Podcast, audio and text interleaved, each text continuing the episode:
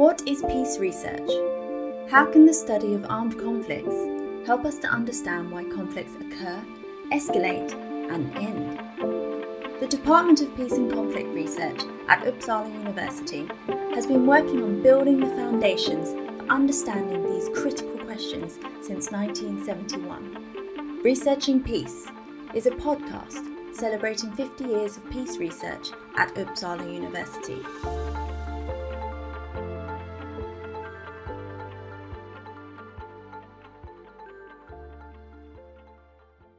Welcome to Researching Peace. I'm Isak Svensson, and today I'm happy to be talking to Kjell-Åke Nordquist, professor in international relations at the University College Stockholm, with a specialization on peace building. Welcome, Kjell-Åke. Thanks a lot. Thank you, Isak. It's great to have you here. And Kjell-Åke, you have a long history at our department. This podcast series is sort of celebrating the department's 50 years of activity.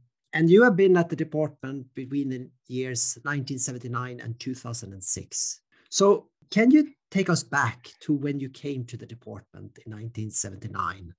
How was the department at that time? The first memory of the department is when it moved from its premises in the King Street in Uppsala to facilities that were located by the riverside at, at the street Östra Ågatan. I came there as a student with um, a political science bachelor in my baggage and was interested in peace and conflict research and knocked on the door to the department and the opening was uh, Dr. Mats Hammarström with a hammer in his hand and he said welcome you are come to the you have come to the right place so um, I joined uh, in the courses that were running at that time, and my first course was in conflict theory, and that's uh, actually been the subject of my interest uh, since then, actually. But uh, that's how it all started when the department moved into new premises. That's interesting. So, can you tell us a bit more on what characterized peace research? What kind of mm-hmm. themes mm. and mm-hmm. approaches mm. were sort of used in, in peace research at Uppsala I think that the causes of war research was a key theme along with conflict theory. And it was at that time a subject that was seeking its own identity. There was no professorship, which often means that you define an area uh, of research, but uh, this is too early. This is late 70s. And um, people came there with, with different backgrounds, but with a common interest in the concepts and relationships between peace and conflict, social conflict. So it was a combination of searching and developing an identity while at the same time trying to identify and apply theoretical approaches to study this phenomenon. In the end, I think that we developed an understanding of peace and conflict research as the description and analysis of the or origin, development, and settlement of social conflict, which is armed or has the potentiality to be armed. That was a way of describing the subject in connection to the formation of the peace research professorship. I think this is fa very fascinating. The sort of the search for identity of the, mm -hmm. the the big research project of peace and conflict research. And can you take us back to some of the debates there? Um, you, you outlined the way it, it, sort of ended up in, in, in, a formulation around the causes and dynamics and, and outcomes of social conflicts with uh, that has sort of seen in the actuality or potential for violence. But were there other perspectives on this? Was, were there a debate on, on what peace research should be, could be at that time? This was before the end of the of the Cold War. So a lot of the theoretical and the political debate as well was about armament and disarmament, was about the relevance and applicability of of realism to understand uh, the situation. And um, many researchers saw the development on ground, so to say, race between East and West, as an indication of the inapplicability of realism in, in the version formulated by Morgenthau as, as the reason for looking for other perspectives, other approaches. When peace research came, I think it was a, a uniting factor among peace researchers to say that we need a more adequate theoretical basis for understanding the conditions for peace through the understanding of social conflict. I think what we try to develop in Uppsala, as much as I was part of it, was an understanding of peace research that was not necessarily normatively based, but based on the fact that there are a number of white spots in our theoretical understanding on the conditions under which countries go to war. At least I tried to argue in some articles uh, at that time that we could use intra-scientific arguments for the relevance of peace and conflict research. We didn't need to have norms developed uh, externally from social science, which was something that happened in many countries in the context of peace movements and uh, and political movements generally that of course with very good reasons were very concerned about the arms race but I think that we know so little about underworld conditions, etc. Uh, so that's the reason enough to have peace and conflict research. And that's the reason also to say that it's not international relations necessarily, it's not security studies, it's not political science in the traditional sense of the word. So we try to find an identity based on, on this way of thinking.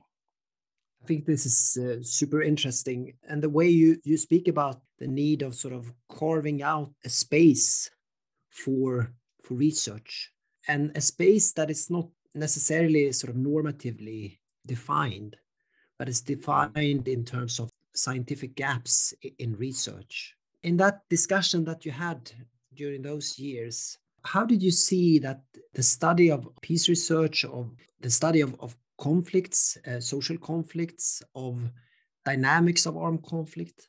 How could that contribute to our understanding of the questions of conflict and peace? You know, the world was full of indicators, so to say, indicators of arms races, of conflicts changing from interstate to intrastate.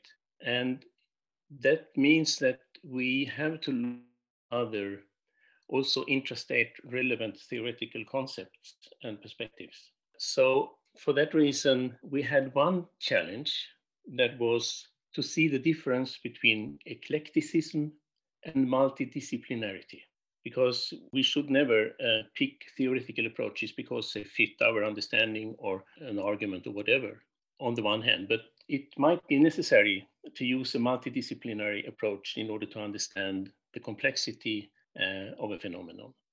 That was that was one dividing line. Another one is, of course, the eternal discussion between those that prefer quantitative methods and those that find that uh, qualitative methods are more appropriate. But I think that our internal discussion sometimes was about how to see and understand and make use of the fact that certain methods answer certain types of questions and other methods can respond to other types of questions. There are examples of PhD dissertations in the department that consciously try both types of methodological approaches to a research problem. But to orientate yourself as a researcher, as a PhD student, in this landscape that we didn't really see the contours of in the beginning, that was both very exciting and stimulating, but a little bit dangerous also, of course.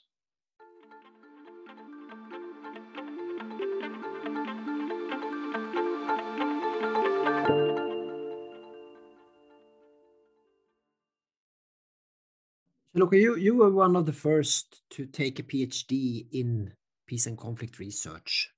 So, yes. can you tell us a, a little bit about that experience? And how was it to become trained as a, a peace researcher, which was quite new at that time? I think the biggest difference compared to the situation today is that the formalization of the, the training was, of course, there, but it was not as guided and, and uh, geared into a professional career as you find uh, many PhD studies to be today. Uh, it was more an, a continuation of a higher seminar, so to say, into specific courses, of course, and, and we have the examinations, etc., etc. So um, even if the financing wasn't there, um, you picked, as you do today, courses that were relevant for your dissertation topic. Some of us studied statistics, including myself, to add to the competence that, that we already had within the department. Small groups, very um, deep and, and uh, relaxed and serious at the same time discussions that I found very useful. And um, the incoming guest researchers from United States and other places contributed to the quality of the PhD training at that time. The point that is most important as a comparative point is to say that at that time, already from the beginning, we were a small group of teachers in different stages of our training, so to say. And I had a group of older professors who had PhDs as my mentors. And that meant that um, you had that kind of guidance, even if they came from different areas of research, of course.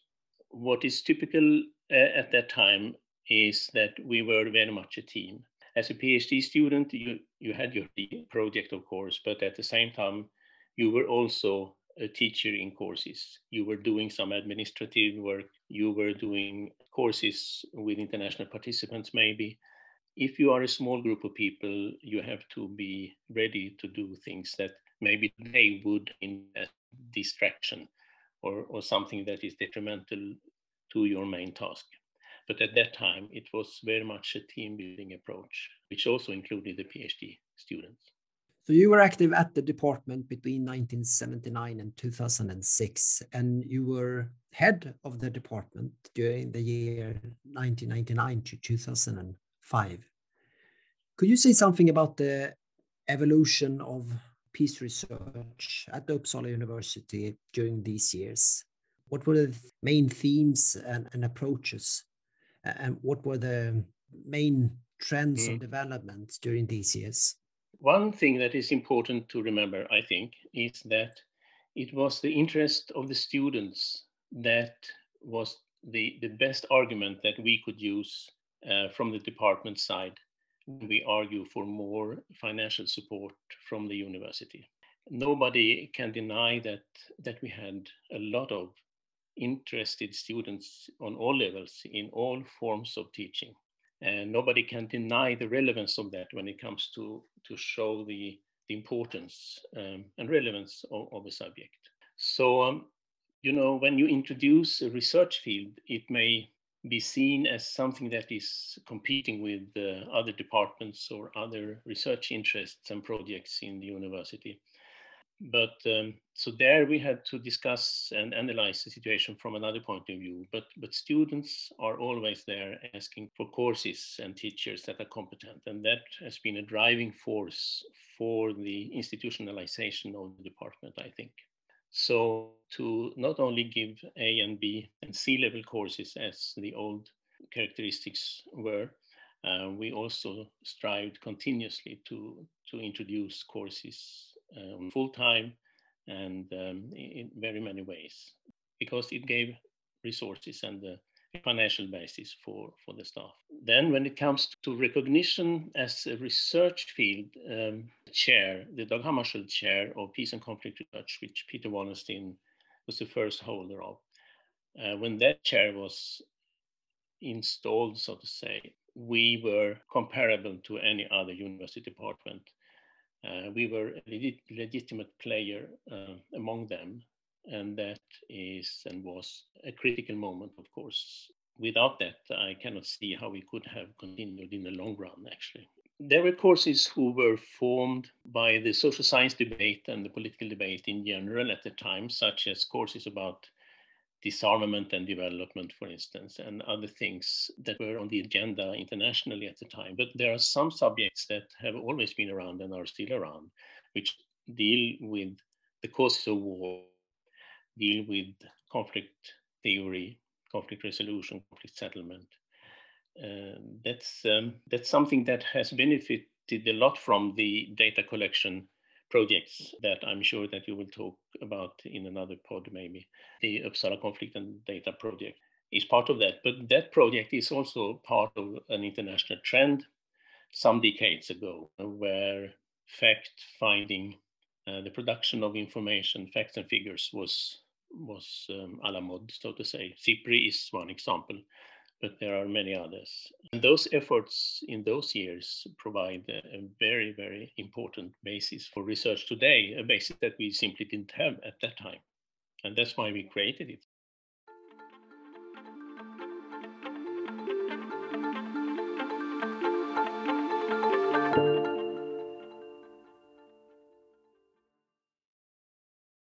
It's fascinating to hear both the the, the role of teaching uh, how, how, central that is uh, and the role of sort of students in the development of the the department over time. And also also your your thoughts on on sort of the the importance of data and how that has been uh, a basis for for the coming research. I, I wanted to end this conversation by speaking with you a little bit on, on your experiences outside the university. So you have been a person who has been able to sort of combine scholarly work with also acting as a, a facilitator or a, a, person trying to make act in, in, in different conflict settings, in particular Eastern Timor and, and Colombia and, and elsewhere as well. And I wanted to, to ask you the extent to which you could use resources from peace research in your role as a as a facilitator whether you could tap some some of the resources from peace research in practice? Of course i've thought a lot about that um, but spontaneously it's easier to think the other way because those experiences uh, give a very good material for teaching as examples as illustrations of of things that we talk about in, in the classroom. I think there is one thing that is not specific for peace research, but something that peace research has been able to develop in a conflict setting, and that is the academic seminar format. If we talk about uh, a structural dimension of this, this is something that the department has used in, in many situations. Although we are practitioners in, in some sense, we say that we are, in a way, still a professor uh, coming and offering a space for dialogue under rules of confidence and discretion. That is something that we as academics can provide to conflict situations, to conflict and peace processes, which is something quite quite unique in a way because it's a very academic skill to, to organize and manage such processes. So I found that very useful for a long time, and, and that has been the main framework within which I have been operating directly with parties in conflict. But what happens in such situations is, of course, that you need to get a good understanding of and relationship with those individuals in their own analysis and understanding of what they are part of. Conflict parties are normally not trained to be a conflict party. They are not trained in negotiations. They are not trained in in formulating their demands over a table, so to say. They are very good at many other things, but when it comes to to sorting out in a way that that works together with the former enemies is another story simply. So there is always this combination of facilitate that you provide space and you also tell what is going to happen and you can even train people to participate effectively in a process of the kind that we are part of initiating. Sometimes, for instance, when I was working in East Timor, I was for a long time working on getting a bipartisan group to understand that there could be a negotiated solution to the, problem of Indonesian occupation. And that's, that's fine. And we came along quite a bit on that theme. On the other hand, the international community, and rightly so, asked for a decisive decision about the future status of the territory of East Timor, which was a former Portuguese colony. And what you then see happening at the same time is that the United Nations arrange a referendum on self-determination. And the consequence on ground of such a referendum is a very, very strong polarization. That means that uh, it's now or never it's all or nothing. So you have a complete polarization in the, in the country regarding this particular issue. What should be the future status of East Timor? And that goes 100% against a process where a mediator tries to get the two sides understanding how could you develop the relationship with your former enemy and occupier Indonesia without armed conflict. So this is very interesting to, to observe uh, as an academic, of course, but at the same time, you need to manage that somehow when you stand there when people say that now we need to talk. Could you could you assist us somehow? I think this is really fascinating to hear about your experiences of, of using the seminar and the training as a way to get access and build re relation with actors involved in conflict societies. And I think that's a good point also to end this conversation.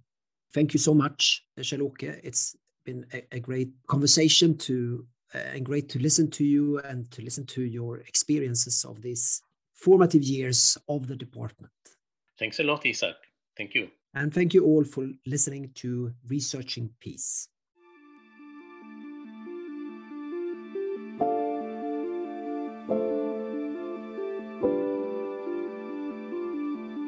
What is peace research? How can the study of armed conflicts help us to understand why conflicts occur, escalate, and end? The Department of Peace and Conflict Research at Uppsala University has been working on building the foundations for understanding these critical questions since 1971. Researching Peace is a podcast celebrating 50 years of peace research at Uppsala University.